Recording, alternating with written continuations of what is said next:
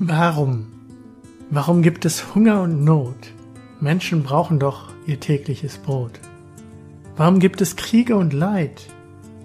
Hat Gott für uns Menschen keine Zeit? Warum müssen so viele in Armut sterben und haben nichts zum Vererben? Ik ben hier op bezoek bij de Voedselbank in Leiden en ik sta hier aan een paktafel waar de etenswaren voor de klanten worden ingepakt. Naast mij staat Ina, die bij de Voedselbank uh, werkt. Hallo Ina, leuk uh, je even te spreken. Ik uh, wilde eigenlijk aan jou vragen, wat is voor jou de reden geweest om bij de Voedselbank te gaan werken? Het is een hele simpele. Ik zat in een kerk en daar werd een oproep gedaan voor vrijwilligers voor de Voedselbank. Dat was op zondag en die woensdagavond erop ben ik begonnen. Oké, okay. en hoe lang doe je dit werk? Ruim 12,5 jaar.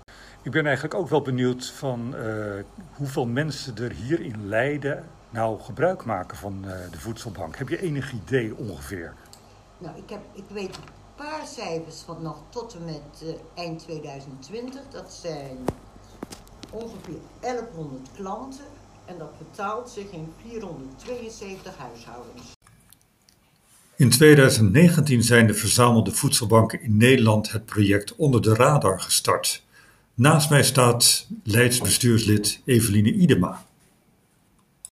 Evelien, welkom. Dank je. Ik uh, zou jou eigenlijk uh, even willen vragen van op wie richt dat project Onder de Radar zich precies?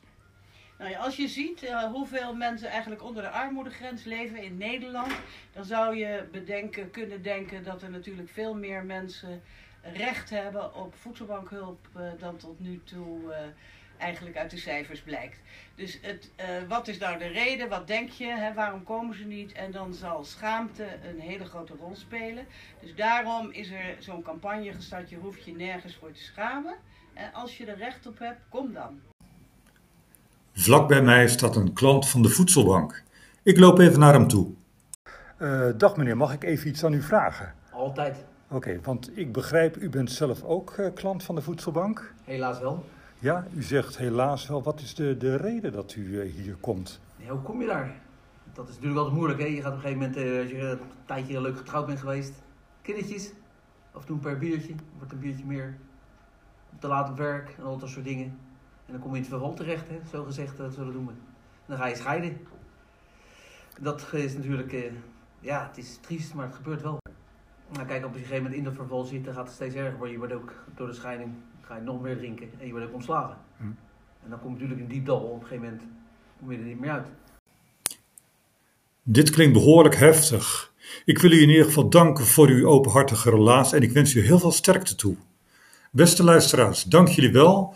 Volgende week zijn we hier terug met een podcast over het alcoholprobleem onder Tweede Kamerleden. Tot dan. I'm a little bit drunk, I'm a little bit drunk, cause I'm drinking, drinking, drinking. I'm a little bit drunk, I'm a little bit drunk, cause I'm drinking, drinking, drinking.